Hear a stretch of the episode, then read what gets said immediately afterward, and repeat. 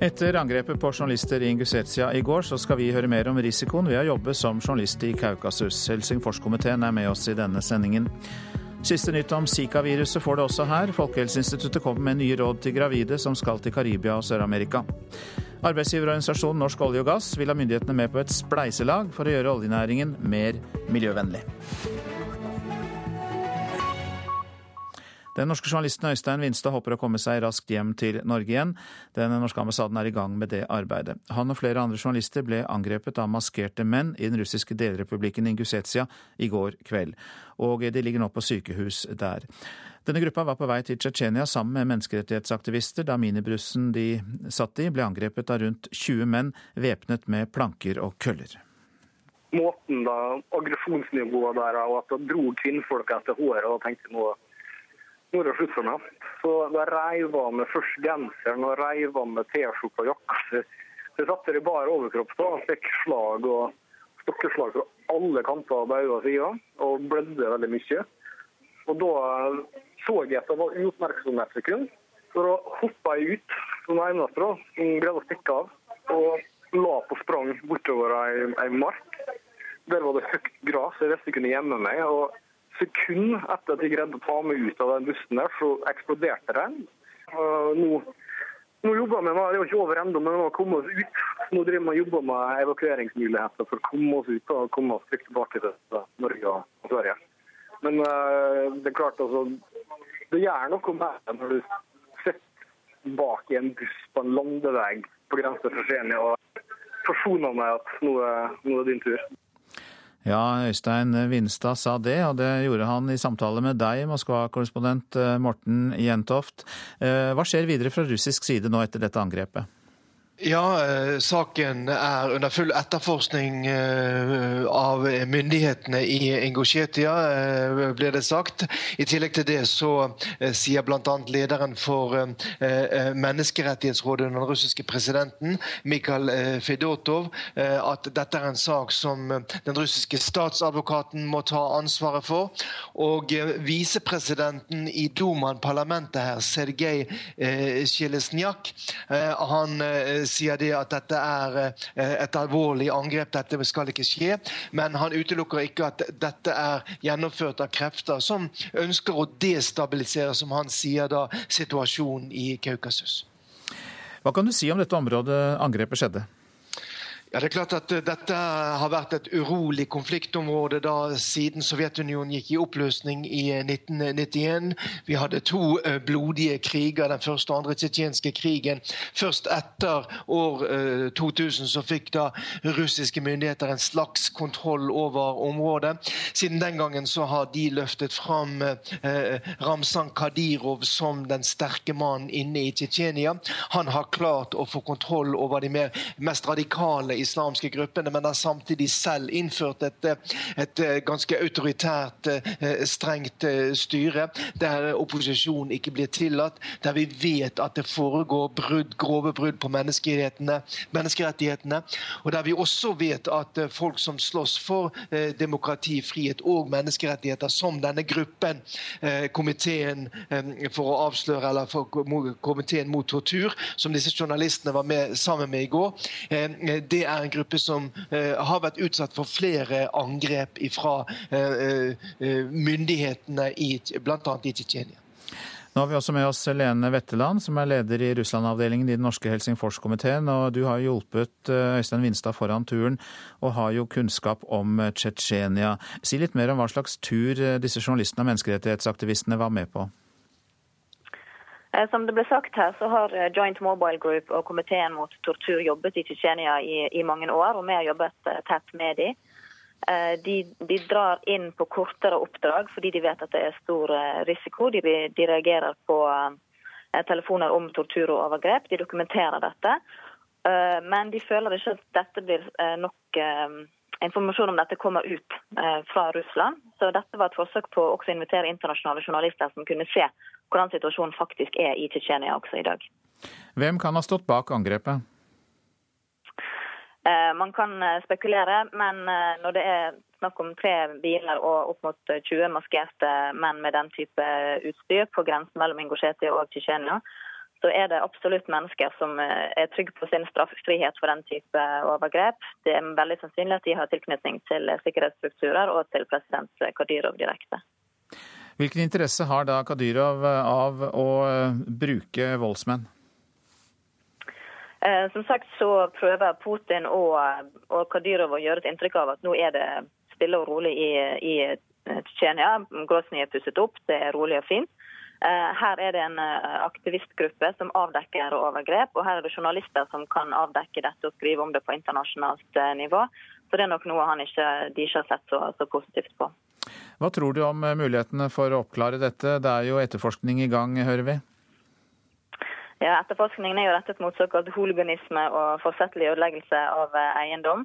Det er bra at det er opprettet en sak, og at Norge har presset på for uavhengig etterforskning. og Det må man fortsette med. fordi dette skjer på daglig, på daglig, basis for lokale aktivister og journalister, og det er veldig sjelden at denne type ting blir oppklart på et, på et forsvarlig nivå. Tilbake til deg, Morten Jentoft. Du kjenner jo dette området fra både nåværende og tidligere korrespondentperiode. Hvordan er det å jobbe som journalist der?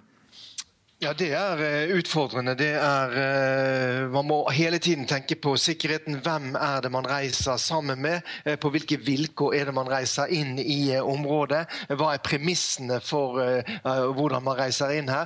Det er ting som må vurderes veldig nøye på forhånd før man reiser inn her. Siste gang jeg var der nede, så reiste jeg kan du si, i samarbeid med russiske myndigheter og russiske sikkerhetsstrukturer. Det kan man selvfølgelig stille spørsmål ved, men det var en mulighet til å komme inn der, i alle fall for å få snakket med folk. Sånn at Man må hele tiden vurdere eh, hvordan er sikkerheten, hvem eh, reiser man sammen med, eh, og hva slags posisjon har disse i det samfunnet som er der nede. Og Dette krever grundig lokalkunnskap før man reiser inn. Vetland, er det slik at det nærmest er umulig for eh, en uavhengig gruppe som ikke er knyttet til myndighetene, å reise inn og drive reportasjer i eh, Tsjetsjenia? Eh, nå, nå, ser det jo absolutt eh, slik ut. Så Som Jentopp sier, så er det veldig viktig med lokal kunnskap, og det har jo John Mobile Group eh, absolutt. Og når de samler en såpass profilert gruppe med også utenlandske journalister, så sa Truls Lie tidligere i dag at det ville være sikrere enn å reise på egen hånd, og det var vi helt enig med. Men gårsdagens hendelser viser jo at ja, også, også de kan utsettes for den type overgrep. Mange takk skal dere to ha. Lene Wetland der, som eh, leder Russland-avdelingen i den norske Helsingforskomiteen, og vår korrespondent i eh, Moskva, Morten Jentoft. I flere år har skolegutten Oliver Asheim levd med smerter hver dag og vært inn og ut av sykehus. De siste året har elleveåringen stått i kø til operasjon på Rikshospitalet. Ortopedisk eh, klinikk ved Oslo universitetssykehus innrømmer store problemer med å ta unna køen av barn. Og dermed lider Oliver fortsatt hver dag.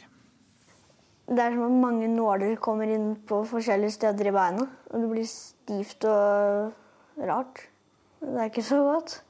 Den elleve år gamle gutten fra Tønsberg har sluttet med idrett og gymtimene han elsker. Etter en ulykke i 2012 verker det ofte i foten. Eh, det kan, det er forskjellig. Det hender at det varer mange timer, og andre ganger så kommer det kjapt og går kjapt. For Oslo universitetssykehus har satt han opp til en operasjon for en skade i foten. Men Oliver har nå ventet i et år uten å komme inn. Faren hans, Ole Asheim, synes det er merkelig. Det var jo ikke særlig eh, greit, det. Han eh, kunne jo ikke ha gymnastikk på skolen enkelte ganger. Og han kunne jo heller ikke marsjere hele 17. mai-toget i musikken, så det var jo ikke greit. Foreldrene har nå klaget sykehuset til fylkeslegen. De frykter han skal få tilleggsskader av all ventingen. Jo, at han skulle få noen sånne andre komplikasjoner, eller at det skulle få noen skader som eh, ikke gikk an å reparere. Det hadde ikke vært særlig bra på en gutt som er 11 år. Ved Oslo universitetssykehus har køen av pasienter økt de siste årene bare i 2014 med hele 15% Oliver venter på operasjon ved ortopedisk klinikk. Leder for avdelingen Rolf Riise innrømmer at de har hatt for lang kø for barna. Vi har over lang tid hatt eh, en stor pågang, eh, større pågang enn det vi klarer å håndtere. Men er det ikke dumt at barn må vente i kø? Det er jeg helt eh, enig i at det er veldig dumt. Skulle ønske at vi kunne ha operert alle samme dag som de kom. men men eh, denne gutten her har jo mye smerte, bl.a. Er det noe bra for han da å vente? Nei, det er det ikke. Samtidig så er vel han, sammenlignet med de andre, har han noe mindre smerter enn de som blir prioritert. Men han blir jo prioritert, han også. Og vi har også funnet en dato til operasjon eh, i april i år. Barneavdelingen skal nå ansette flere leger og øke antall operasjonsstuer. Selv om faren til Oliver er glad for å få operasjon, synes han det er galt at barn må vente så lenge.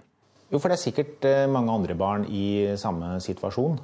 Og dem syns jeg jo synd på, for dem eh, er jo da i eh, en kø i helsevesenet. Oliver vet hva han vil aller mest i verden. Det er bare å bli operert og bli frisk. Ja, da har jeg lyst til å fortsette med taekwondo. De ønskene hadde Oliver Asheim, og han snakket med vår reporter Lise Merete Olaussen. Mange taper tusenvis av kroner i året fordi de lar sparepengene stå på kontoer med svært lav rente. Mens sparerenta i noen av de største bankene ligger ned mot en halv prosent, så kan man få fire ganger så mye ved å flytte pengene til kontoer i mindre banker. Men kun et lite mindretall velger likevel å flytte pengene, viser ferske tall fra Forbrukerrådet. Jeg har jo tenkt litt på det, men jeg har faktisk ikke gjort det. Vi har vurdert det, vi har titta på andre tilbud, men eh, så tenker vi at ah, det er så mye ork. Over 500 000 nordmenn har minst en halv million kroner stående på bankkonto. Mens et slikt innskudd bare gir 2500 kroner i rente i noen banker, gir det 10 000 kroner andre steder. Likevel byttet svært få sparekonto i fjor. Det syns leder av Finansportalen Elisabeth Realsen er dumt. For folk kunne ha mangedoblet renteinntektene sine ved å flytte innskuddene til et annet alternativ. Og det er det enkleste produktet av dem alle å flytte. Man trenger nemlig ikke bytte hele bankforbindelsen. Det holder å opprette en ny sparekonto i en annen nettbank og overføre penger dit. Ifølge oversikten i Finansportalen er det banker som Bluestep Finans, Norwegian Bank, Santander, Obos-banken og en del mindre sparebanker som nå tilbyr den høyeste renta. Det er ukjente banker for mange, men de er ikke mer usikre, mener Realfsen. Hvis de er sikret i den europeiske eller norske banksikringsordningen, eller gjerne begge deler, som flere er, så er det i praksis ingenting å frykte. Kanskje det hjelper med den samtalen her, så får vi ta oss og skifte. Og det var Tom Ingebrigtsen som var reporter. Klokka har passert kvart på ni. Dette er hovedsaker i Nyhetsmorgen. Den norske journalisten som ble angrepet i Russland i går, trodde han skulle bli drept. Øystein Vinstad var på vei til Tsjetsjenia da han og tre andre journalister ble angrepet. Vinstad og de andre får nå behandling på et sykehus i Ingusjetsja. Mange taper tusenvis av kroner, hørte vi, ved ikke å flytte sparepengene. Sparerenta i mange store banker er nede mot en halv prosent, mens den er høyere i mange mindre banker. Miljøpartiet De Grønne går kraftig tilbake på NRKs siste måling. Mer om eh, det snart. Men eh, nå om Zika-viruset, for det virker inn på reiserådene vi får fra Folkehelseinstituttet. Nye råd kommer i dag etter at Verdens helseorganisasjon hadde et møte tirsdag. Det forteller overlege Tone Brun i Folkehelseinstituttet. Verdens helseorganisasjon har jo nå gått ut med noe sterkere råd. De fraråder nå gravide å reise til berørte områder. Og det har vi også eh, gått ut med at vi kommer til å gjøre. Vi ber leger om å eh, fraråde gravide å reise til de områdene hvor det er utbrudd og en økning av zikavirusinfeksjon. Hvilke områder og land gjelder det? Rundt 30 land i Sør- og Mellom-Amerika og Karibien der det er eh, nå utbrudd av, pågående utbrudd av zika-virusinfeksjon. Det er de landene som er de der det er størst risiko for smitte nå. Det gjelder bl.a. Brasil og Colombia og mange land i Karibien. Vi har en liste på nettsidene våre hvor alle landene er listet opp. Hvorfor må gravide være spesielt eh, aktsomme? Nå er det flere og flere studier som støtter opp om denne teorien om at zika-infeksjon i graviditeten kan eh, føre til fosterskaden mikrokefali kan også være andre faktorer som spiller inn. Eh, dette er jo ting man studerer nøye nå. Det er det som er hovedårsaken til at vi, vi gir disse rådene til gravide. Hva er mikrokefali? Barn blir født med lite hode pga. underutviklet hjerne i fosterlivet.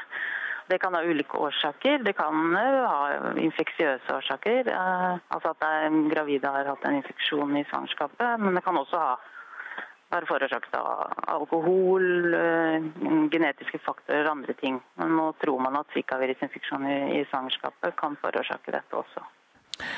Er det noen fare for spredning til Europa av zikaviruset? Altså, det er jo den myggarten som nå er den som overfører viruset i eh, Latin-Amerika. Det er en myggart som kun finnes på Madeira i Europa. Så der er det jo i og for seg en viss eh, risiko. Men også er det en annen myggart, i hvert fall en annen, som eh, også finnes i en del land i Sør-Europa. som ja, man, Det ser ut til at potensielt kan overføre dette viruset. så Derfor så er man oppmerksom på at det kan spre seg til Europa når det blir varmere mot sommeren og denne myggen eh, blir aktiv. Så Derfor har man eh, nå begynt å overvåke nøye hjemkomne turister med mulig Zika-infeksjon i disse landene. Da, fordi er, Tanken er jo at eh, hvis man, seg, hvis man blir smittet til Latin-Amerika, tar med seg viruset hjem, blir stukket av en mygg i et av disse landene i Europa, så kan viruset spre seg der også. Så det er en teoretisk risiko for det. Det er det. Overlege Tone Brun i Folkehelseinstituttet. I eh, Myanmar tyder nå alt på at Aung San Suu Kyis nære venn og tidligere sjåfør Tin Kwai blir landets nye president. Prosessen med å peke ut en president har pågått helt siden valget i november. Suu Kyi leder Nasjonalligaen for demokrati, som vant valget, men loven nekter henne å styre landet selv. Kledd i hvite drakter står parlamentsmedlemmene i Myanmar i kø for å registrere seg. Det er en spesiell dag i landets nasjonalforsamling. Prosessen med å velge landets nye president er i gang. Jeg er glad fordi dette presidentvalget markerer et vendepunkt for Myanmar. Denne dagen viser at det er håp for landets befolkning, sier Myo Sa Wang på vei inn i nasjonalforsamlingen. Én mann er i pressefotografenes fokus. 69 år gamle Tin Ka blir etter alt å dømme Myanmars neste president. For selv om han foreløpig bare er nominert som en av tre kandidater, bestemmer i praksis Aung San Suu Kyis parti hvem som inntar embetet.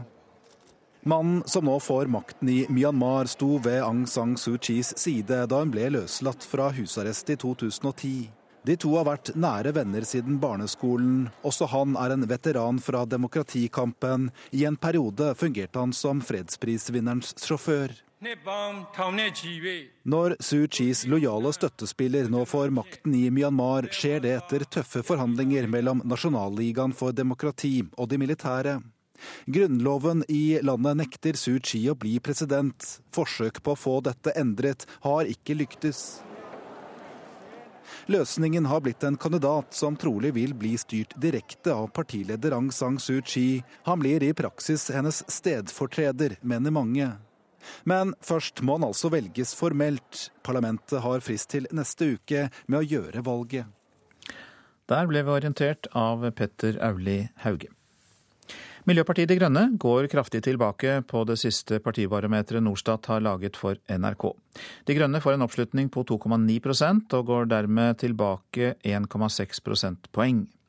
MDGs eneste stortingsrepresentant Rasmus Hansson sier han må skjerpe seg. Vi liker ikke tilbakegang på meningsmålingene. Vi liker mye bedre å få gode meningsmålinger. Eh, og det er ikke mange månedene siden vi fikk 5% i fylkestingsvalget i Norge. Og det er jo vårt perspektiv. Eh, at vi skal ligge der og bli bedre fram mot eh, stortingsvalget. Så en sånn måling som dette er jo bare én ting å si til. Det er at vi må skjerpe oss. Målingen viser også at Høyre og Frp med, sammen med støttepartiene Venstre og KrF fortsatt har flertall på Stortinget. Arbeidsgiverorganisasjonen Norsk olje og gass vil ha myndighetene med på et spleiselag for å gjøre oljenæringen mer miljøvennlig. Hvis myndighetene bidrar med 100 millioner kroner hvert år, så vil næringen gjøre det samme. Og da kan klimagassutslippene kuttes med mer enn det vi nå tror er mulig. Ja, det sier administrerende direktør Carl Erik Skjøtt Pedersen. Vi mener at det er en realistisk ambisjon at myndighetene eh, bevilger 100 millioner første året, og så øker med ytterligere 100 millioner hvert av de ti neste årene. Og at næringa så bidrar med tilsvarende. I dag holder Norsk olje og gass årskonferanse i Oslo. Og i den forbindelsen lanserer Schjøtt Pedersen ønsket om et spleiselag med staten for å utvikle mer miljøvennlig teknologi i oljesektoren. Det å redusere klimagassutslippene det er viktig for verdens klima. Og det å holde oppe inntektene fra oljevirksomheten det er viktig for skoleplasser og for helsevesenet i Norge. Derfor har eh, næringa og myndighetene et felles mål om å få det til. Skjøtt Pedersen har ikke tall på hvor mye klimagassutslipp som kan kuttes med dette spleiselaget, annet enn mer enn det vi i dag tror er mulig. Vi har nå starta på et omfattende arbeid i næringa for å få det til. Vi skal utarbeide et veikart for å nå fram til de høye ambisjonene som vi setter oss. Og så skal vi i samarbeid med myndighetene komme fram til ambisiøse mål. En dårlig idé, mener Kari Elisabeth Kaski, partisekretær i SV. Her forsøker oljebransjen å unndra seg den store dugnaden som alle må være med på for å eh, både kutte klimagassutslipp og være mer miljøvennlig. Tvert imot så burde denne veldig lønnsomme og ganske rike industrien ta på seg en langt større del av regninga sjøl. De burde pålegges å slippe ut mindre klimagasser, og vi burde øke CO2-avgifta betraktelig, sånn at de sjøl utvikler den teknologien som trengs. Vi har lenge ment at eh, det bør være et initiativ den bransjen tar, og når de tar det nå, så skal vi ta det positivt eh, imot. Reporter her, det var Erlend Kjernli. Miljø og energi er fortsatt tema hos oss. Miljøbevegelsen er nemlig negativ til å bygge ut mer norsk vannkraft. I Dagsrevyen i går så tok Høyres Henrik Asheim til orde for å skrote verneplanen og bygge ut flere vassdrag, for å sikre ren og grønn energi til Norge og Europa. En av dem som reagerer på det, er leder i Greenpeace Norge, Truls Gullofsen. Klima er veldig viktig, men Norge har allerede bygd ut enormt mye vannkraft. Eh, vi har eh, internasjonalt ansvar for å verne noe eh, av den fantastiske fossnaturen som Norge har. Så det er veldig mange andre tiltak Norge bør gjøre før vi skal begynne å rive opp det veldig viktige vassdragsvernet på nytt. Asheim, som leder et utvalg som skal være med å meisle ut Høyres klima- og miljøpolitikk, begrunner forslaget med at Norge må være med å sikre ren og grønn energi til Europa. Jeg mener man skal begynne med de fossefallene som står i fare for å gå utover ras og flom. Og så mener jeg at vi skal åpne nye eh, store eh, kraftverk som Vefsna eller Gaular, for den saks skyld, som er en annen kandidat. Nei, her tenker jeg at Man har blitt litt uh, vel ivrig uh, i iveren etter å komme seg videre til uh, fornybarsamfunnet. Det sier generalsekretær i WWF Norge, Nina Jensen. Hun mener utbygging av ny vannkraft er helt feil vei å gå. Det ligger altså et betydelig større potensial i å oppgradere og effektivisere eksisterende vannkraftanlegg fremfor å bygge ut nye vannkraftanlegg i Norge. Norske vannkraftmagasiner er tidligere lansert som et viktig bidrag til å erstatte europeisk vindkraft på tider da det ikke blåser. Men leder i Zero, Marius Holm, håper å unngå utbygging av vernede vassdrag. Det er klart at På lengre sikt så vil man kunne se at eh, behovet for eh, lagring av energi tilsier at man trenger flere vannmagasiner i Europa. Og, og Da blir spørsmålet om, om, det kan bli aktuelt igjen om kanskje 10-20 år. Men jeg tror at uh, vi vil finne andre løsninger på de behovene som gjør at vi ikke er avhengig av å bygge ut hvert eneste vassdrag, men heller utnytter det store utvalget Norge har av andre fornybare energiressurser. Og Tom Ingebrigtsen var reporter her. Statsmeteorolog Bente Wahl, hjertelig velkommen. Jo, takk. Det er jo spennende konkurranser under skiskytter-VM i Holmenkollen i dag også. Er det risiko for tåke der oppe? Ja, det er tåke der nå. Den ligger ganske tett. Eh, men jeg har godt håp om at den skal forsvinne utover dagen. Går nok enda en stund til. Kanskje kan sola titte fram når de starter i halv fire-tiden, så det er godt håp i hvert fall. Det får vi håpe. Og apropos sola, eh, hvor er det penest vær i landet i dag? Ja, det er fint både i sør og nord, og egentlig kan vi ta hele Sør-Norge under ett. Her er det stort sett oppholdsvær nå. Litt regn på kysten eh, av Nord-Trøndelag. Eh, det blir lettere vær utover dagen, mer og mer sol, men i Nord-Trøndelag blir nok skyene liggende en stund.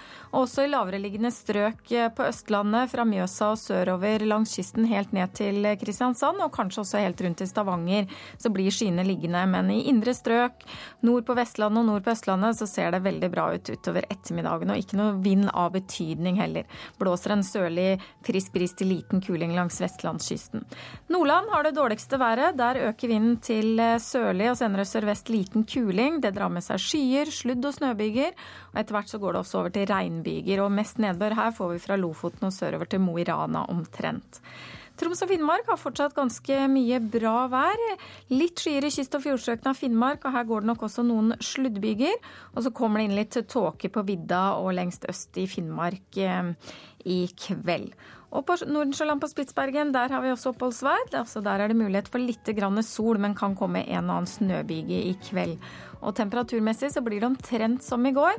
Og jeg tipper at det er Møre og Romsdal som får den høyeste temperaturen i dag, rundt ti grader. Det blir spennende å se om det er de som stikker av med den rekorden. Takk skal du ha, Bente Wahl. Vi runder av med å si at eh, Anne Skårseth var ansvarlig for radionyhetene på morgenkvisten. Elise Helsel Asbjørnsen eh, var ansvarlig produsenten for Nyhetsmorgen, nemlig, og teknisk ansvarlig var Per Ivar Nordahl. Og eh, jeg som holdt meg bak mikrofonen, det var Øystein Heggen.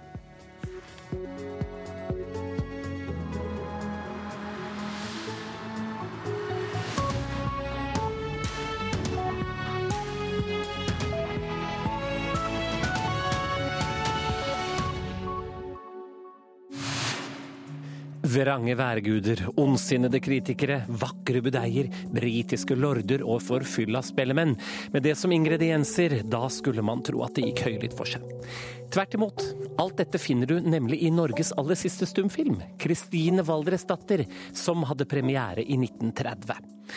Og 86 år etter premieren har Anders Røyne skrevet ny musikk til stumfilmen. Denne musikken får du høre i spillerom her i P2 klokka 11. Apropos musikk, i NRK Klassisk velger Trine Ting Helseth sin favorittmusikk nå straks. Smilefjes, blunkefjes, surefjes. På sosiale medier dominerer emoticons og emojis. Er vi i ferd med å få et helt nytt og universelt skriftspråk? Hør mer i Ekko rett etter nyhetene.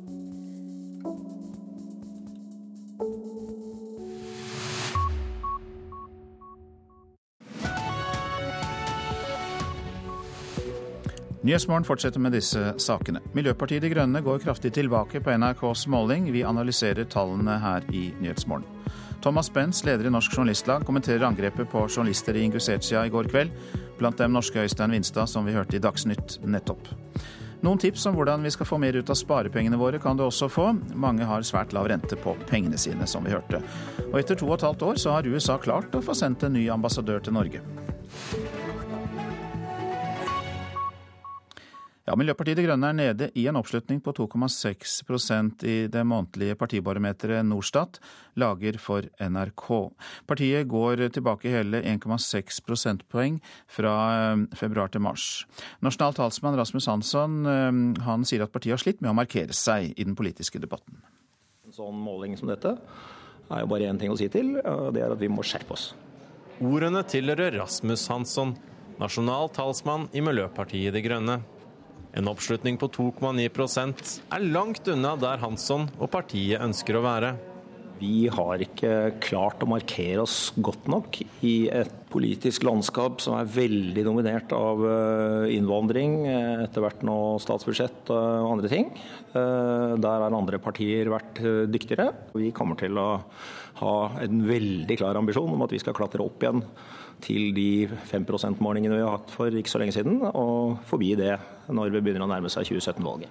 Hadde dette partibarometeret vært utfallet av valget i 2017, ville dagens regjering og tilhørende støttepartier fått et klart flertall med 92 av 169 mandater.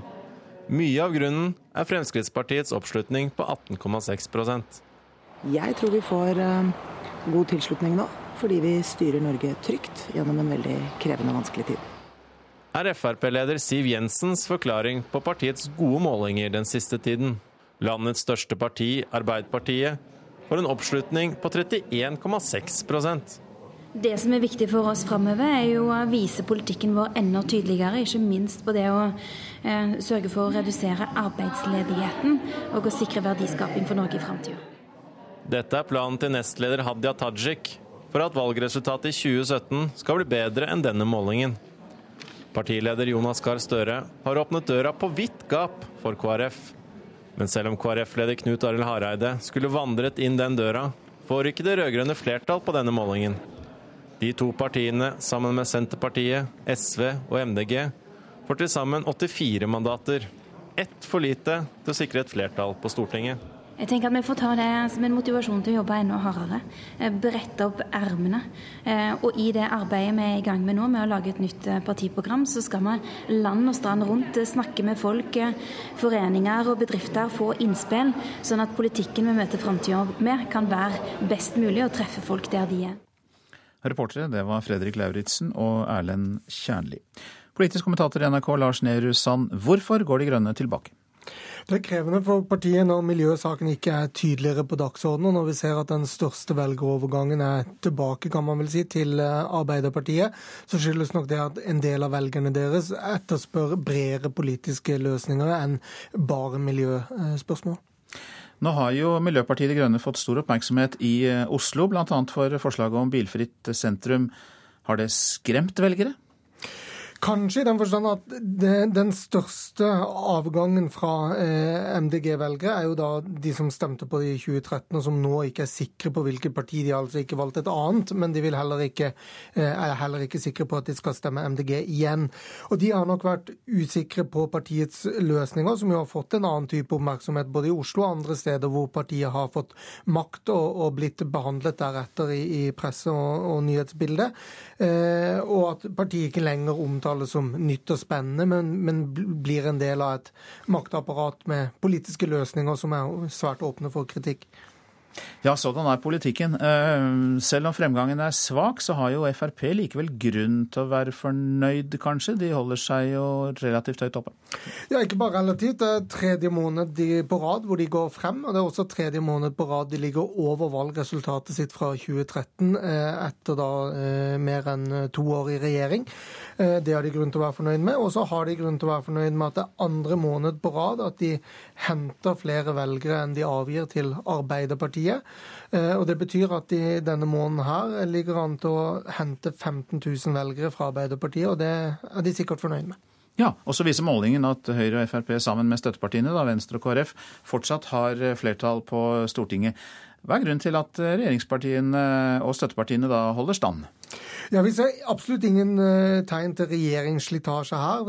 Det, er det beste mandatmessige oppslutninga for uh, de fire partiene som nå har stortingsflertall, på nærmere to år. Og det er tredje måned på rad at de fire partiene har uh, et flertall. Og det, det er også ja, uventa for mange, kanskje. Så hvorfor gjør ikke det største opposisjonspartiet det bedre, altså Arbeiderpartiet? Da Arbeiderpartiet gjorde det bra, så hadde de for det første enda flere lojale velgere fra forrige valg. De hadde enda færre velgere som var usikre på partistandpunkter. Så tok de i større grad velgere fra alle andre partier, og fra den gruppen velgere som ikke stemte ved, ved forrige valg. Det er en ganske usikker velgergruppe. Og eh, summen av alle de små faktorene gjør at Arbeiderpartiet fortsatt eh, ligger lavere enn de, de gjorde på, på sitt høyeste. Takk for analysen, Lars Nehru Sand, vår politiske kommentator. Ja, Vi har hørt at den norske journalisten Øystein Vinstad og flere andre journalister ble angrepet av maskerte menn i den russiske delrepublikken Ingusetsja i går kveld. Denne gruppa var på vei til Tsjetsjenia sammen med menneskerettighetsaktivister da minibussen ble angrepet av rundt 20 menn væpnet med planker og køller. Thomas Spence, du er leder i Norsk Journalistlag, med oss fra studio på Lillehammer. Eh, hva er din reaksjon? Ja, Dette er jo et veldig alvorlig eh, angrep på en fri og kritisk presse. Eh, og Derfor er det både et overgrep mot eh, de som ble utsatt for det, men også mot den tsjetsjenske befolkningen. Og alle oss andre også ofre hver gang pressefriheten angripes og forsøkes undertrykt som her. Vi har hørt at vår korrespondent i Moskva Morten Jentoff, sier at russiske myndigheter skal etterforske. De sier at de skal eh, gjøre det. Hva blir det viktig å gjøre for russiske myndigheter nå, mener du? De må etterforske saken. De må bringe de eh, skyldige gjerningsmennene for retten. Dette er noe som også russiske myndigheter frivillig har bundet seg til å gjøre, gjennom både FN-resolusjoner og gjennom Europarådets eh, ulike traktater. Så her må russiske myndigheter følge opp, og jeg håper både norske myndigheter og generalsekretær Jagland gjennom Europarådet også følger opp denne saken og ser til at gjerningsmennene blir stilt til ansvar, noe vi dessverre ser skjer altfor sjeldent når journalister og presse angripes. Ja, hvilket ansvar har norske myndigheter her, da? Jeg mener de har et ansvar for å følge opp saken og passe på at russiske myndigheter følger opp saken på tsjetsjensk område, og at vi får et svar om hva som har skjedd. Hva kan det føre til at journalister og menneskerettsaktivister blir utsatt for eh, angrep av denne typen, Spence? Det er selvfølgelig farlig for deres eget liv og helse, men det er farlig for alle oss andre også når journalister eh, ikke kan reise inn i områder som preges av krig og konflikt, hvor det er en sivil befolkning som lider, og hvor eh, lidelsene vil bare fortsette lenger og dypere hvis ikke verden utenfor får vite hva som skjer på bakken blant menneskene. Takk for at du var med oss, Thomas Benz, som altså er leder i eh, Norsk eh, Journalistlag. Nå om at politiet i Oslo vil vurdere en eh, breiere etterforskning av eh, journalist og privatetterforsker Geir Selvik Malte Sørensen. Det er politistasjonssjef eh, ved Sentrum politistasjon Tore Soldal som bekrefter det overfor VG. Bakgrunnen er flere avsløringer avisen har kommet med, og en forbindelse til rettssaken om advokat Mona Høines arv på 100 millioner kroner. For noen uker siden skrev VG om hvordan Malte Sørensen lurte advokat Harald Stabel og Arne Treholt til å tro at han hadde en hemmelig kilde som kunne hjelpe dem å få gjenopptatt spionsaken mot Treholt. En bruktbilselger skal ha spilt den hemmelige kilden. Ifølge VG viser det seg nå at samme bruktbilselger også skal ha spilt hemmelig kilde i en annen sak. Nemlig rettssaken der Mona Høines ble anklaget for å ha arvet 100 millioner kroner ved hjelp av et falskt testamente. VG skriver at Malte Sørensen fortalte slektninger av barnløse Synnøve Urdal at testamentet hennes var forfalsket, slik at arven ikke rettmessig tilfalt Høines. Malte Sørensen skal også ha løyet i retten. Politiet i Oslo vil nå vurdere en bredere etterforskning. Malte Sørensen har nå innrømmet at han løy i Treholt-saken, men han nekter for løgn i Høynes-saken. Sa reporter Tonje Grimstad. Klokka er 7.13, og dette er hovedsaker. Den norske journalisten Øystein Vinstad forteller om et dramatisk angrep i den russiske republikken Ingusetsja i går. Vinstad satt i en minibuss sammen med flere andre journalister da flere menn angrep dem. Så hoppa jeg ut som eneste, da. Greide å stikke av. Og la på sprang bortover ei, ei mark. Sekund etter at jeg greide å ta meg ut av den bussen der, så eksploderte den. Men eh, Vinstad er altså på sykehus nå og eh, i god behold. Miljøpartiet De Grønne går kraftig tilbake på NRKs måling. Oppslutningen er nå på 2,6 og det er ned 1,6 prosentpoeng fra februar til mars. Og eh, vi har hørt at politiet i Oslo vurderer en bredere etterforskning av journalist og privatetterforsker Geir Selvik Malte Sørensen. Bakgrunnen er flere avsløringer VG har kommet med. Og Vi har fått inn en melding nå om at er, i USA er fem personer drept og tre såret i en skyting i Pennsylvania. Angrepet skjedde for kort tid siden i Wilkinsburg, melder nyhetskanalen WPXI. Gjerningspersonene skal være på frifot fortsatt, og det er minst to av dem. Totalt åtte mennesker ble truffet av skuddene, ifølge lokale medier. Dette var altså i Pennsylvania i USA.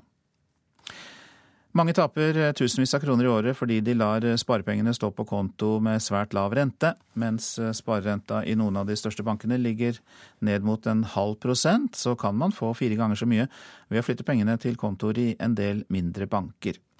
Men kun et lite mindretall velger å flytte pengene, viser ferske tall fra Forbrukerrådet. Jeg har jo tenkt litt på det, men jeg har faktisk ikke gjort det. Vi har vurdert det, vi har titta på andre tilbud, men så tenker vi at det er så mye ork. Over 500 000 nordmenn har minst en halv million kroner stående på bankkonto. Mens et slikt innskudd bare gir 2500 kroner i rente i noen banker, gir det 10 000 kroner andre steder. Likevel byttet svært få sparekonto i fjor. Det syns leder av Finansportalen Elisabeth Realsen er dumt. For folk kunne ha mangedoblet renteinntektene sine ved å flytte innskuddene til et annet alternativ. Og det er det enkleste produktet av dem alle å flytte. Man trenger nemlig ikke bytte hele bankforbindelsen. Det holder å opprette en ny sparekonto i en annen nettbank og overføre penger dit. Ifølge oversikten i Finansportalen er det banker som Bluestep Finans, Norwegian Bank, Santander, Obos-banken og en del mindre sparebanker som nå tilbyr den høyeste renta.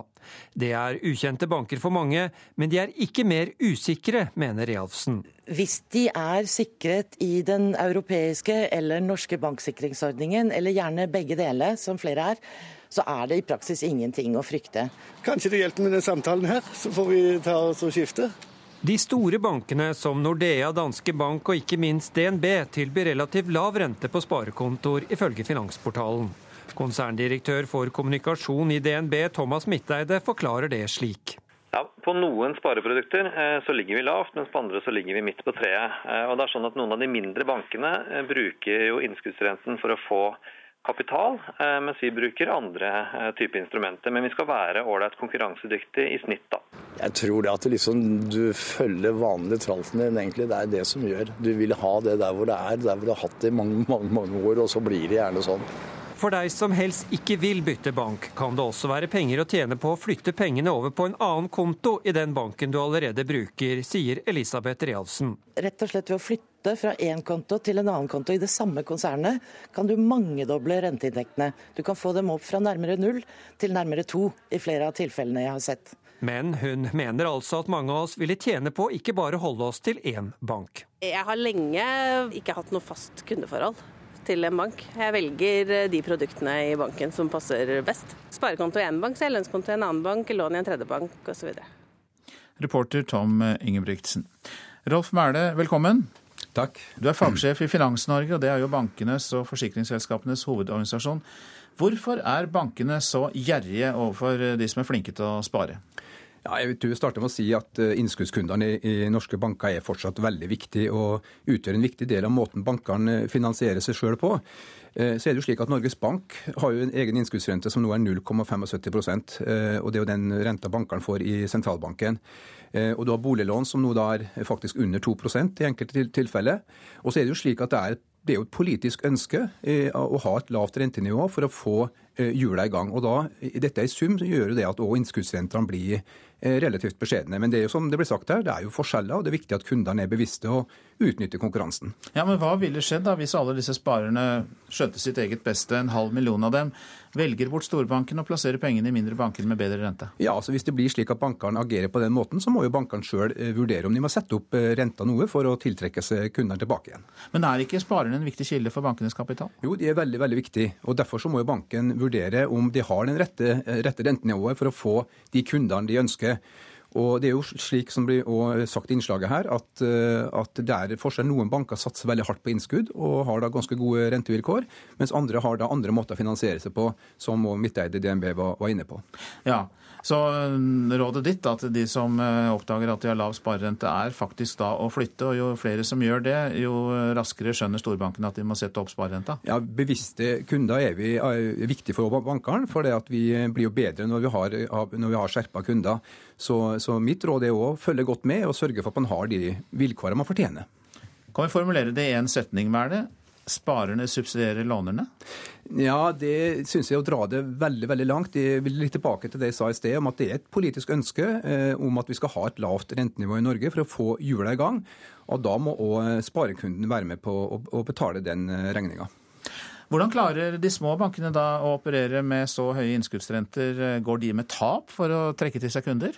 Nei, det er ulike det vi kaller forretningsmodeller ute og går her. Og hvordan da den enkelte bank foretar sine beregninger, det er vanskelig for meg å, å si noe om. Men det er jo nettopp denne forskjellen som er til kundens fordel, hvis man da er bevisst og, og følger godt med. Og Finansportalen er jo et godt sted å, å orientere seg. Eh, og så tusenkronersspørsmålet, bokstavelig talt. Eh, hvor kan man f.eks. få 10% avkastning på sparepengene i dag? Ja, Det er et godt spørsmål. og Da er det jo jungelord om at det er, finnes ingen gratis lunsj, heller ikke da i bankmarkedet. Skal man oppnå en avkastning, altså en rente som er høyere enn det som er dagens bankrenta, så må man være villig til å ta, ta risiko.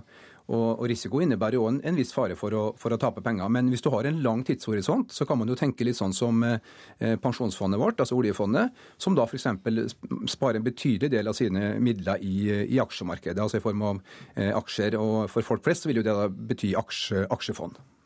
Ja, er aksjefond eh, nesten alltid bedre enn å ha penger i bank? Kan vi slå fast det? Nei, det ville ingen måtte slå fast. Men jeg tror det at hvis man da har en lang sparehorisont, la oss si at du er 55 år og tenker på å spare penger til eh, pensjon, så, så vil jo jeg vurdert å plassere deler av kapitalen i, eh, i et aksje, aksjefond. Og så er det andre måter å spare på som man kanskje ikke tenker så mye på. Og Det er jo f.eks. å nedbetale på lån. Det gir, jo, det gir jo en rente lik lånerenten. Og Hvis du da f.eks. for har forbrukslån, så er jo det en veldig god, gir jo det en veldig god avkastning å betale ned på, den, på de låna. Og så vil vi selvfølgelig fremheve da BSU, boligsparing for uh, ungdom, som gir svært, svært uh, høy renteavkastning. Og i tillegg da en skattefordel. Så det er jo en veldig populær, naturlig nok, og heldigvis, spareform. Mange takk skal du ha, Rolf Mæhle, som er fagsjef i Finans-Norge, bankenes hovedorganisasjon. Etter to og et halvt år så har USA klart å få sendt en ny ambassadør til Norge. Han tiltrer formelt etter et møte hos kongen på Slottet seinere i dag. President Barack Obamas utvalgte ser fram til å få norske innspill på hvordan framtida kan formes. Hei, jeg heter Sam Hines og er den nye ambassadoren til Norge. Han har lært seg noen fraser allerede. USAs nye utsending. I en kort videohilsen den amerikanske ambassaden har lagt ut, forteller Sam Hines og kona at de aktivt kommer til å søke opp norske miljøer.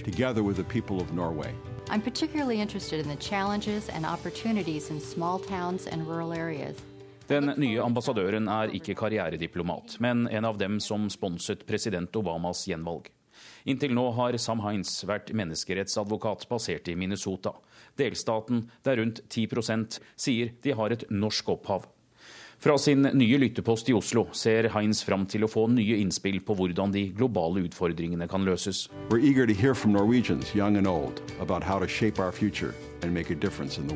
USAs ambassade i Oslo har i nesten 900 dager vært uten ambassadør. Den forrige utsendingen, Barry White, beklager at det ble sånn. Hadde jeg visst det, hadde jeg ikke dratt, sier White til NRK. Hver dag får jeg en brifing om hva som skjer i Norge, sier mannen, som nå jobber som frivillig for å få Hillary Clinton inn i Det hvite hus. Forholdet mellom Norge og USA er godt og nært, men det blir bra å få en representant tilbake til Oslo, mener Barry White. Well, I think there are a lot of challenges. I mean, I think Norway and the U.S. have a great uh, relationship. Obviously, a lot of world affairs. Sam Hines, I've met him. Excellent background in human rights issues. Det er ikke mange utfordringer. Jobben er i stor grad å diskutere og samarbeide om større globale spørsmål. Her i USA kan vi sikkert lære litt av immigrasjonsdebatten i Norge og Europa, sier White, med henvisning til presidentkandidat Donald Trumps omstridte utspill om å stenge muslimer ute og bygge en mur til Mexico. Han Obama først valgte til å etterfølge Barry White som ambassadør, trakk seg etter å ha avslørt manglende kunnskaper om Norge. For eh, nesten ett år siden kom presidenten opp med et nytt navn etter press fra norskamerikanere. Men også advokaten Sam Hines nominasjon ble holdt igjen av republikanerne i Kongressen.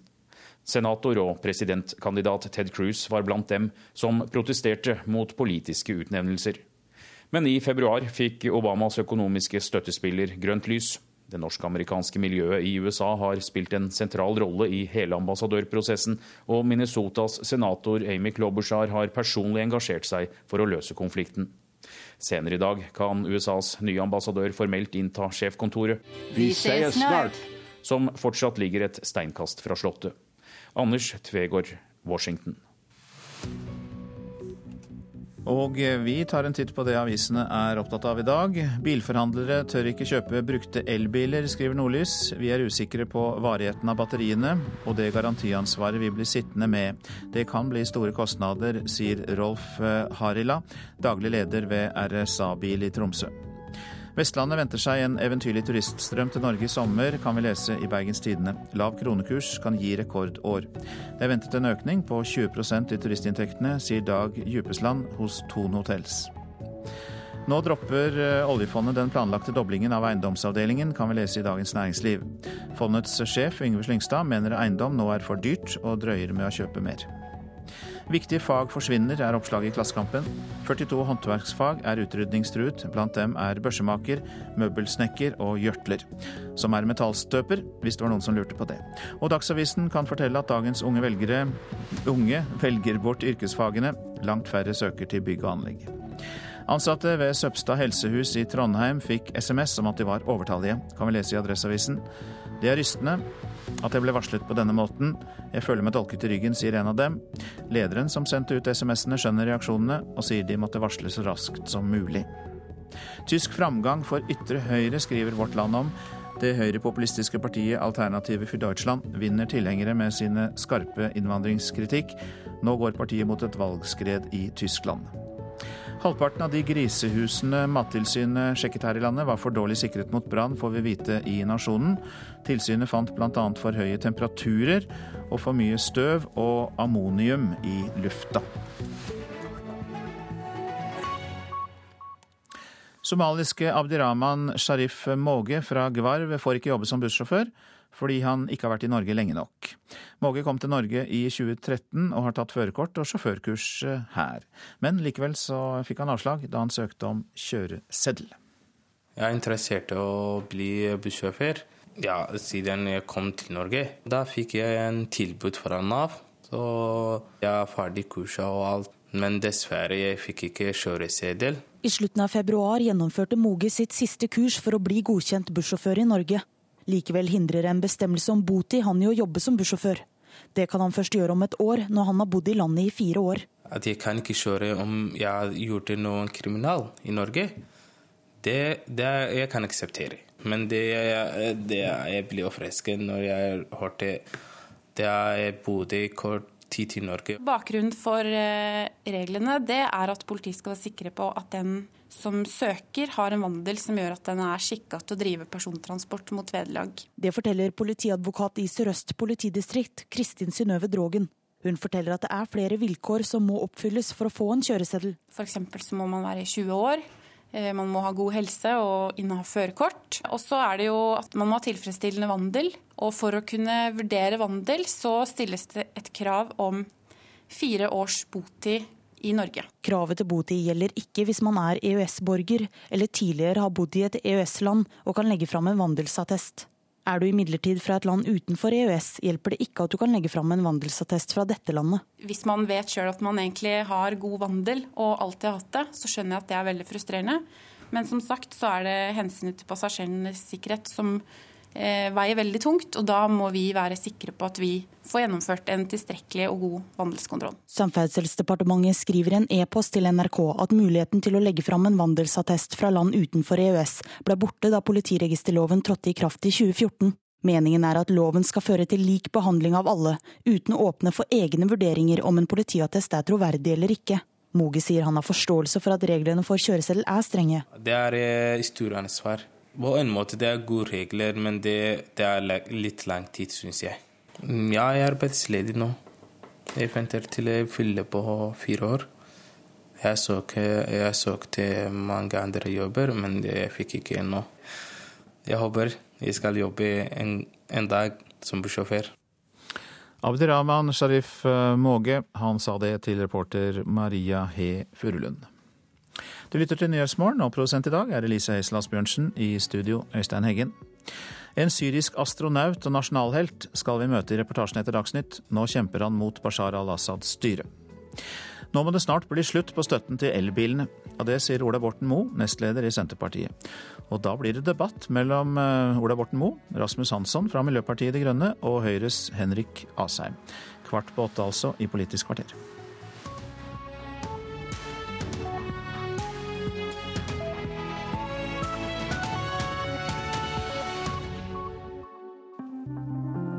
Barneovergripere blir fryst ut og truet i fengsel. For du er ikke et menneske. Det er du ikke. Du er eh, Du er en jævla pedo. Og hvem vil være nabo eller venn med en som er dømt for grove seksuelle overgrep mot barn? Fortjener alle en sjanse til, uansett hva de har gjort? Hør En ny sjanse. En radiodokumentar om barneovergripere og samfunnet på lørdag klokken ti i NRK P2. Den norske journalisten som ble angrepet i Russland i går, trodde han skulle bli drept. Mange taper tusenvis av kroner ved ikke å flytte sparepengene sine. Og de norske skiskytterjentene trenger skytetrening før stafetten. Her er NRK Dagsnytt ved Kari Ørstavik. Klokka er 7.30. Jeg trodde jeg skulle dø, sier den norske journalisten som ble angrepet i Russland i går. Øystein Vinstad forteller om et dramatisk angrep i den russiske republikken Ingusjetia. Han satt i en minibuss sammen med flere andre journalister da flere menn gikk til angrep. Det første jeg gjorde, var å knuse samtlige russere på alle sider. Klatra de inn frontruta og slo det de greide på alle. Aggresjonsnivået der og at de dro kvinnfolk etter håret og tenkte nå, nå er det slutt for meg. Journalistene ble slått med stokker, og de maskerte mennene prøvde å dra dem ut av bussen gjennom de knuste vinduene. Vinstad frykta for livet og kjempa imot alt han kunne. Jeg var sikker på at hvis det her er død, så hoppa jeg ut som eneste da, som greide å stikke av.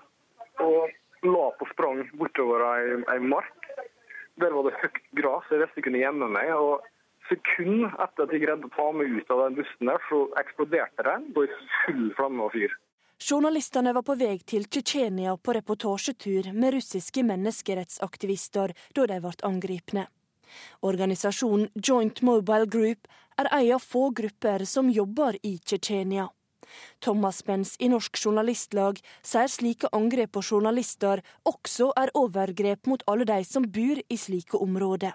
Det er selvfølgelig farlig for deres eget liv og helse, men det er farlig for alle oss andre også når journalister eh, ikke kan reise inn i områder som preges av krig og konflikt, hvor det er en sivilbefolkning som lider, og hvor eh, lidelsene vil bare fortsette lenger og dypere hvis ikke verden utenfor får vite hva som skjer på bakken blant menneskene.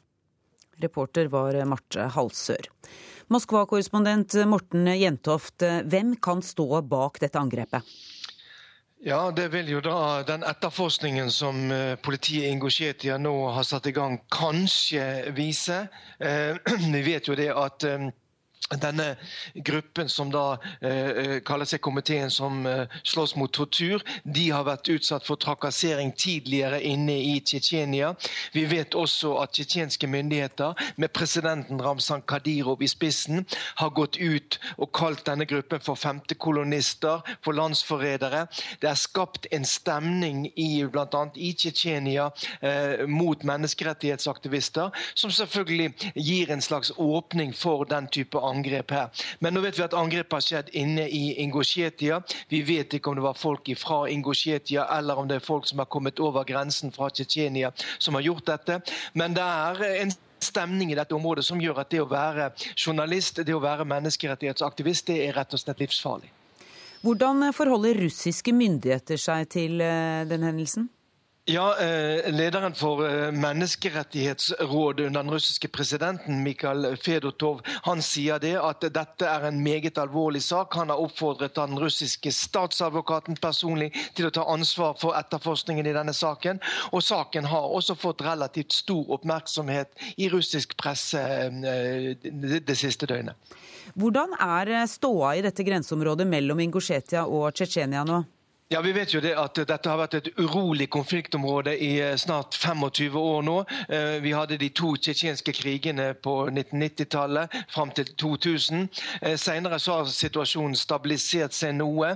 I begge republikkene så er det et ganske strengt regime, ikke minst i Tsjetsjenia, der før nevnte president Ramzan Kadyrov sitter ved makten.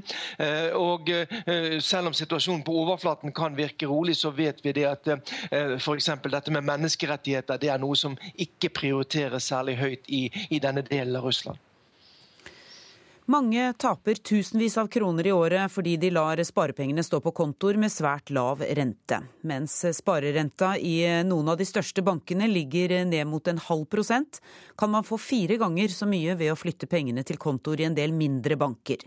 Men kun et lite mindretall velger å flytte pengene sine, viser ferske tall fra Forbrukerrådet. Jeg har jo tenkt litt på det, men jeg har faktisk ikke gjort det. Vi har vurdert det, vi har titta på andre tilbud, men uh, så tenker vi at det er så mye art. Over 500 000 nordmenn har minst en halv million kroner stående på bankkonto.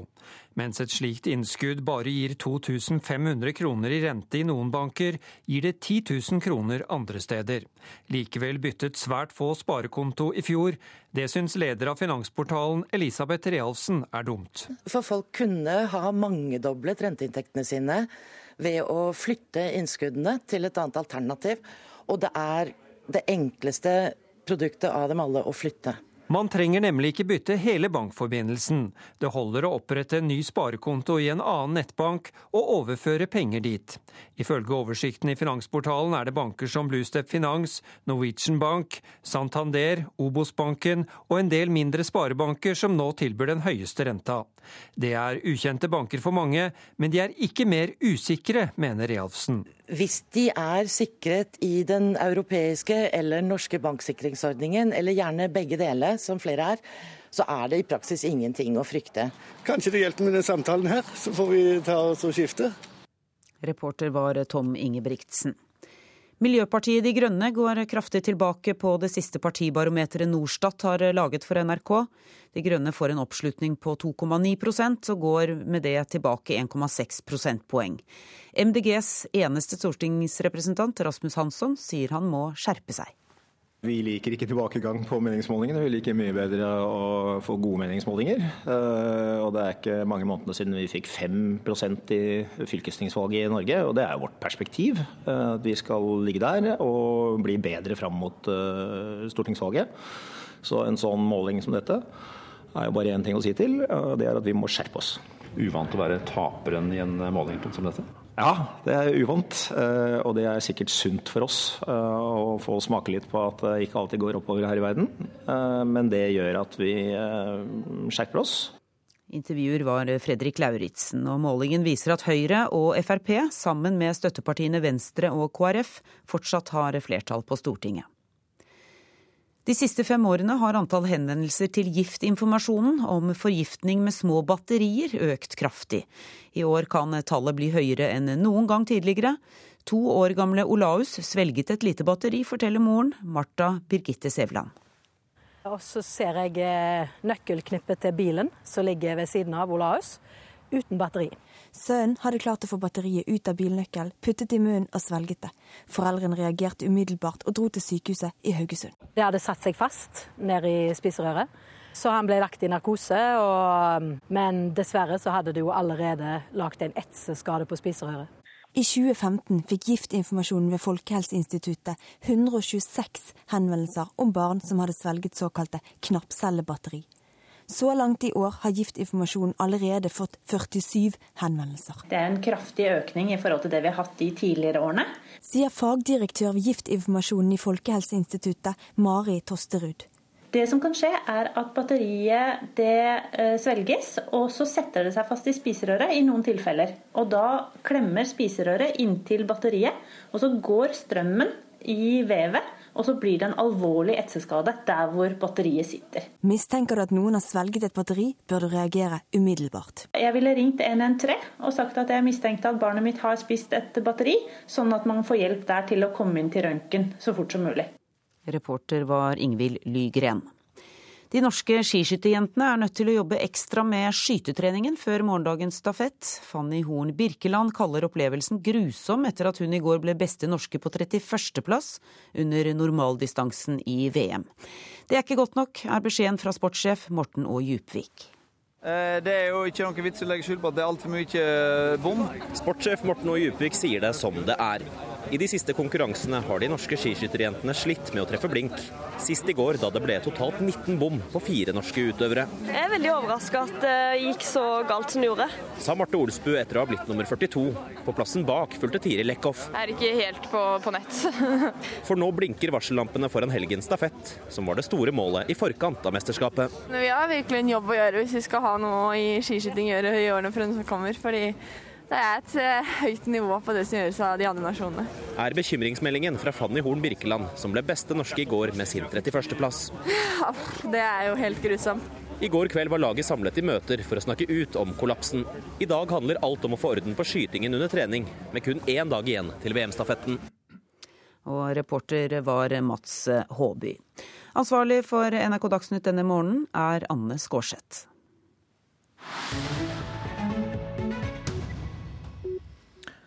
Nyhetsmorgen lytter du til. Mohammed Faris er Syrias første astronaut, en høystående militær og en nasjonalhelt. Men Faris er også en skarp kritiker av landets president Bashar al-Assad, og har forlatt sin stilling som general. Nå bruker han sin bakgrunn som romfarer i kampen for et fredeligere Syria.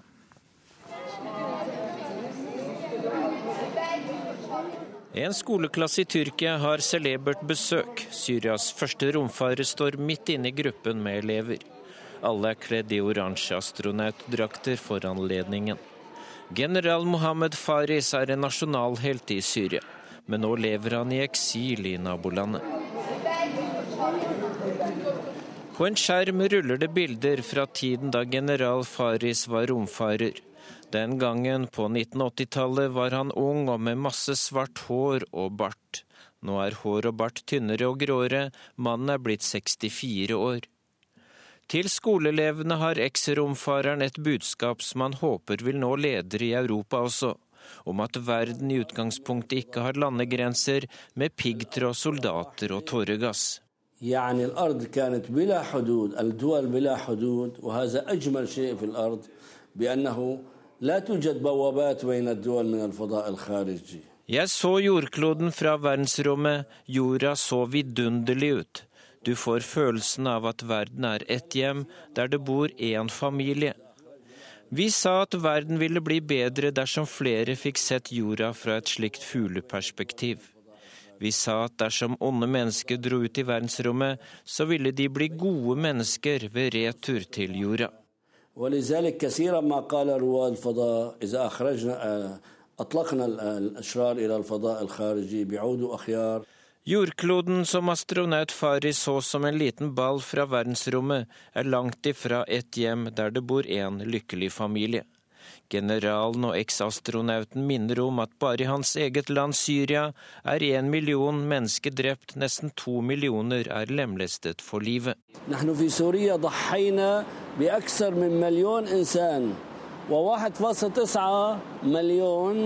Nå er Faris opptatt av at disse lidelsene ikke må ha skjedd forgjeves. Etter hans syn er det eneste som kan gjøre tapene mindre smertefullt, at president al-Assad gir fra seg makten.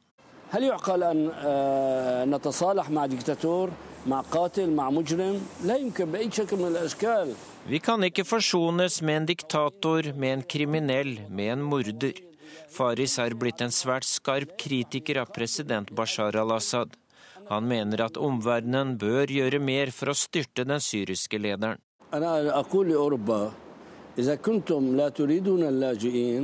Til leder i Europa, hvis dere ikke vil ha flyktninger, sørg for at vi blir kvitt dagens regime. Romfartshelten fra Syria ble trent opp av russere og var med romfartøy Soyuz til romstasjonen Mir i 1987. Han hadde et godt forhold til russere, men i dag betrakter han president Putin i samme kategori som sin egen president.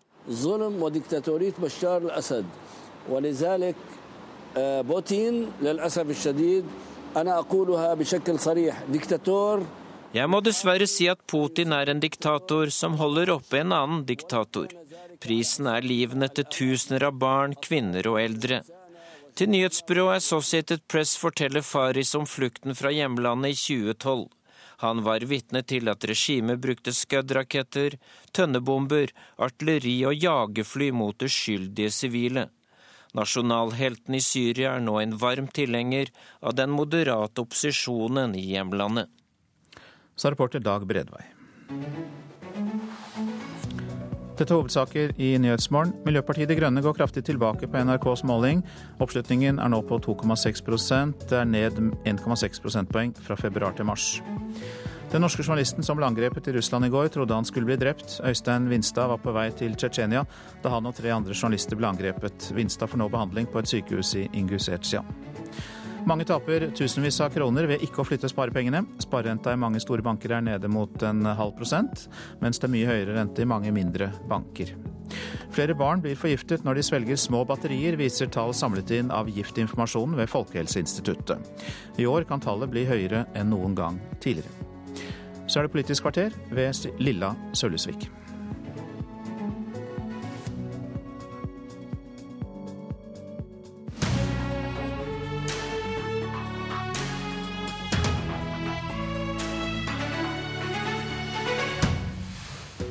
Partiene forbereder det grønne skiftet i sine nye program.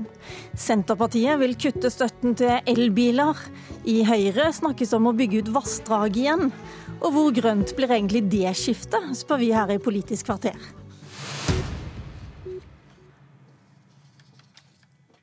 Den som kjører bil om morgenen, blir gjerne forbikjørt av en Tesla som kjører i kollektivfeltet inn til byen om morgenen.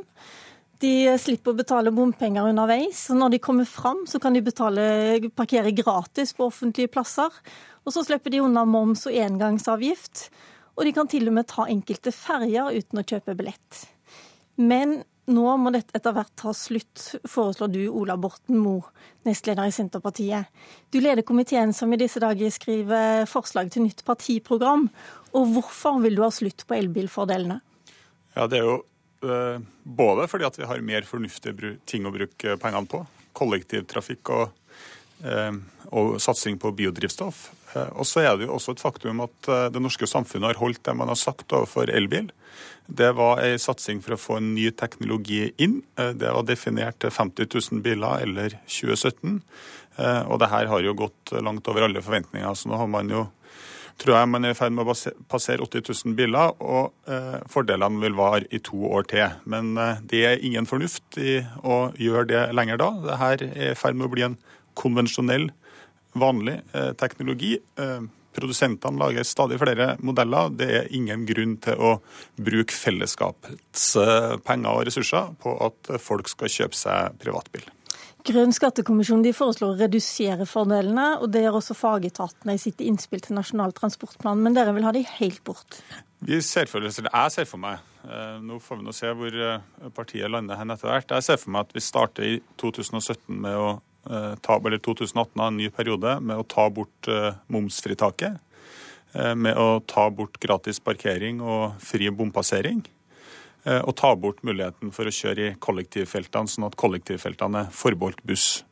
Eh, og så at man gradvis faser ut de øvrige fordelene eh, i løpet av stortingsperioden, sånn at privatbilisme basert på elbil blir avgiftsbelagt og skattlagt på lik linje med annen privatbilisme, også fordi at det akkurat det er. Du berger ikke klimaet med å kjøre rundt i en Tesla.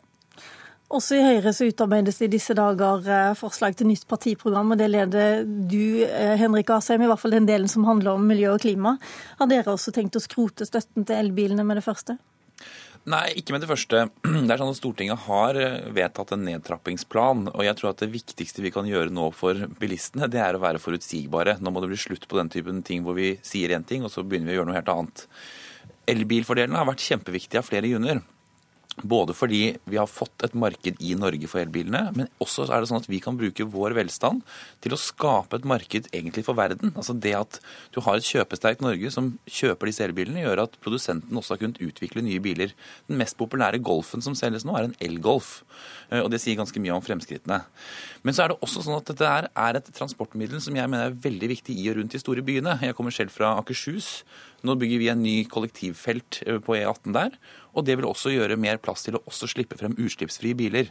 For det er ikke bare forurensningen, men også den luftforurensningen i byene som er et viktig poeng for å ha lavutslippsbilene. Men hva betyr dette her? Betyr det at du støtter det Ola Borten Moe sier? Altså, jeg mener at Ola Borten Moe går for fort fram, fordi nå har man vært ganske tydelig på hva man tenkte å gjøre. F.eks. så sier vi at vi vurderer å erstatte uh, momsen med en støtteordning som kan fases ut over tid. Uh, vi sier også at vi ønsker at det skal være opp til kommunene selv å bestemme om det skal være lov å bruke elbilen i kollektivfeltet osv. Jeg syns ikke Senterpartiets program skal forby oss i Akershus å la elbilene kjøre i eh, feltet på E18, hvis vi mener det er det riktige. Og Derfor så sier vi at det da kan bli lokale regler istedenfor nasjonale. Men eh, noen av oss kjøpte eh, dieselbil da noen politikere sa det var lurt, og så ble man straffa for det i etterkant. Er det nå sånn at alle de som har kjøpt elbil fordi politikerne syns det var lurt, bare skal få slippe alle fordeler? Nei, Vi sa jo egentlig at vi skulle fjerne fordelene når man nådde 50 000 biler, eller i 2017, som Borten Moe helt riktig sier. Det har man skjøvet på, nettopp fordi man ønsker å sørge for at det blir enda flere lavutslippsbiler. Bare for å si Det det er 80 000 cirka lavutslippsbiler i Norge nå, og så er det 2,5 million biler på bensin og diesel. Så det er jo ikke sånn at liksom, nå er vi i mål. Vi skal få enda flere av privatbilene over på eh, lav- eller nullutslipp. Rasmus Hansson, nasjonaltalsmann nasjonal talsmann for eh, Miljøpartiet De Grønne. Eh, det er om lag 5 milliarder kroner å spare på å kutte alle disse elbilfordelene. Er det noen som uoffisielt har regna ut? Du vil kanskje også gjerne bruke de pengene til noe annet? Ja, men jeg er jo helt enig i dette tilfellet med Henrik Asheim og stortingsflertallet at her er det forutsigbarhet som er det viktige. Stortinget skal holde det de har sagt overfor elbilfolket som selvfølgelig etter hvert, som Ola Borten Moe også påpeker, eh, skal betale som eh, vanlige mennesker. Men det å få inn den teknologien, eh, og nå ikke minst få bygd ut ladestasjoner og sånn, så det kan brukes over hele landet, det er en jobb som ikke er fullført. Eh, og når den jobben er eh, fullført, så elbilsalget ruller av seg selv, eh, så kan vi f.eks. begynne å flytte de fordelene over til å få inn hydrogenbiler. Men ruller de ikke av seg sjøl nå, da? Det nei, det ruller, ikke, det ruller, fortsatt ikke helt av seg selv. Det er jo altså fortsatt sånn at folk flest ikke kjøper elbiler. og Det har bl.a. å gjøre med at det er altfor mange steder i landet hvor det ikke går an å få ladet opp en elbil på en ordentlig måte. Så det er de årene som kommer fremover nå, helt avgjørende for å få bygd ut uh, ladestrukturen uh, over hele Norge, så det går an å kjøre elbiler, mens elbilene samtidig blir mye bedre. Og så er det riktig at vi, uh, når den jobben etter hvert blir fullført, og det er den ikke, så skal vi flytte de pengene over på f.eks. hydrogenbiler.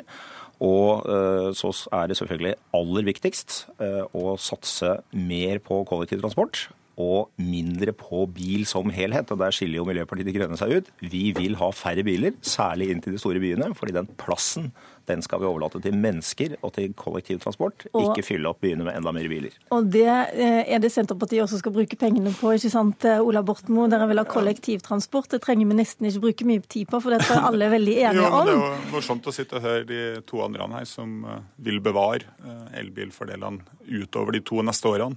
Så det her begynner å bli en ganske konvensjonell teknologi. Salget går strykende. Vi er for det to år til. Det er en av Norges mest solgte biler som ligger på toppselgerlista. Det er ingen grunn til å bruke fellesskapets midler til det her eh, videre framover. Og så er det jo interessant å stille spørsmålet hva kan vi få istedenfor? Eh, og Der eh, argumenterer jo både Rasmus Hansson og Høyre for at det er viktig å ha flere biler i og rundt de store byene. Vi tror tvert imot at det er viktig å legge til rette for kollektive løsninger. Spesielt der det bor folk, og der er det jo nærmest et umettelig behov. Og Da må man prioritere. Bare momsfritaket på elbil eh, det koster staten to milliarder i året.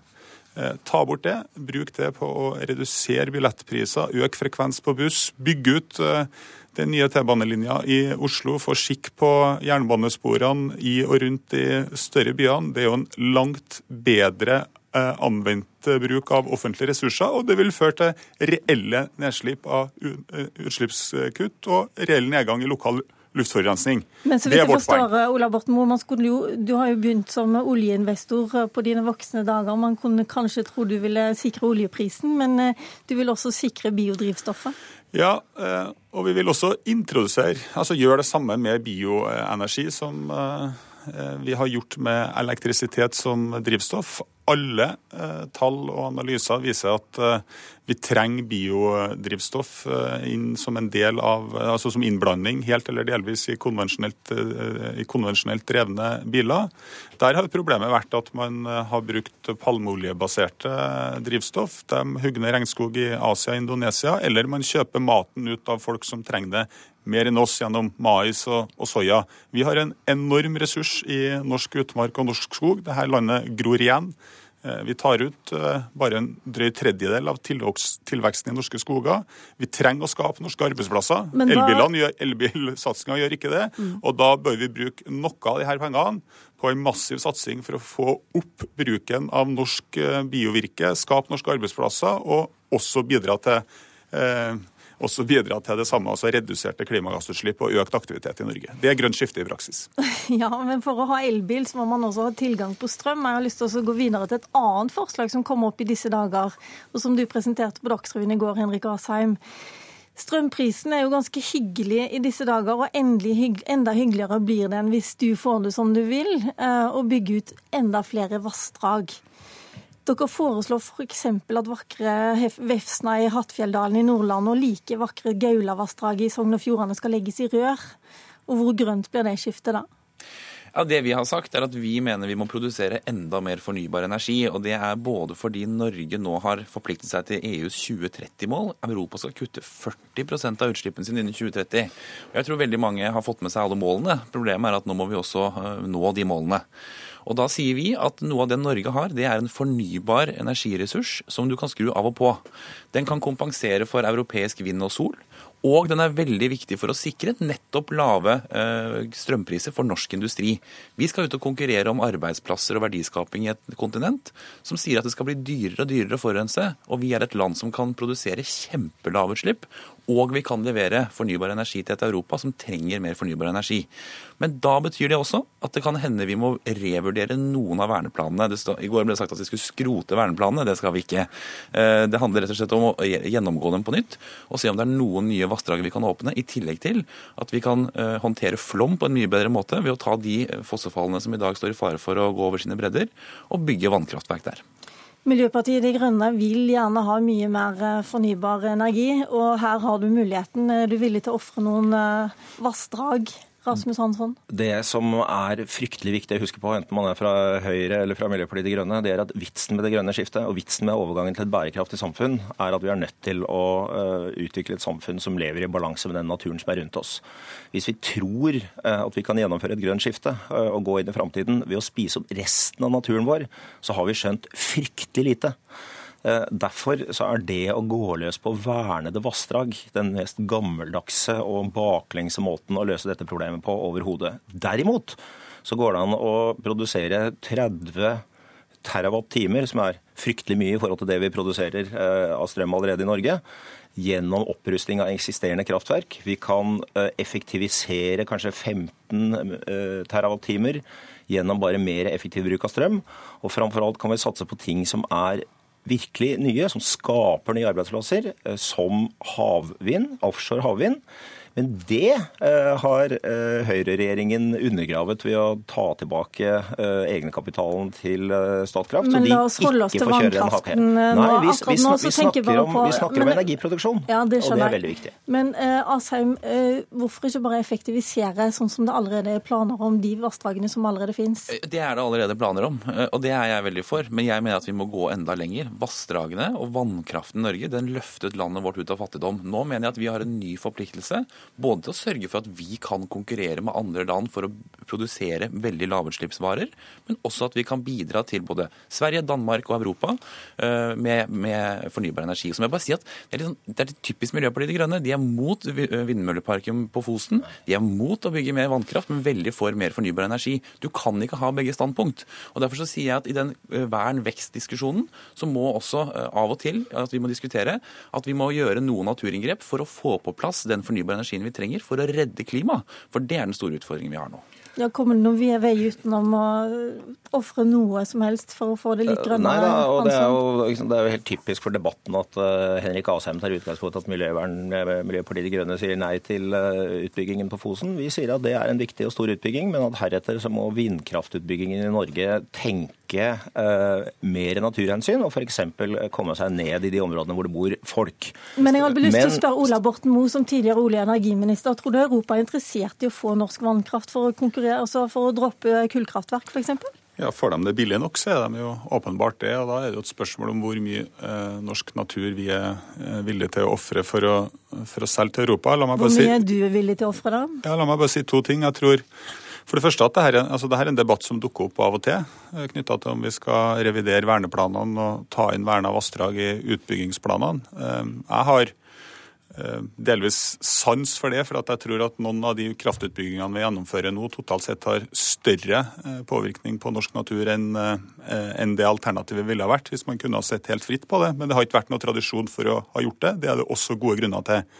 Men så må man uansett stille spørsmål ved behovet. og Nå gjennomfører vi en voldsom nasjonal dugnad på kraftutbygging. Den siste investeringsbeslutninga var fire nye terawatt på Fosen. Spør ja, spørsmålet er trenger vi dette her. Altså, nå har vi overskudd i de norske og nordiske kraftmarkedene allerede. Vi kommer til å ha det i mange mange år framover. Jeg stiller spørsmålstegn ved om eh, vi nå skal insentivere enda mer nedbygging av eh, norsk natur, før vi bruker det vi har bedre.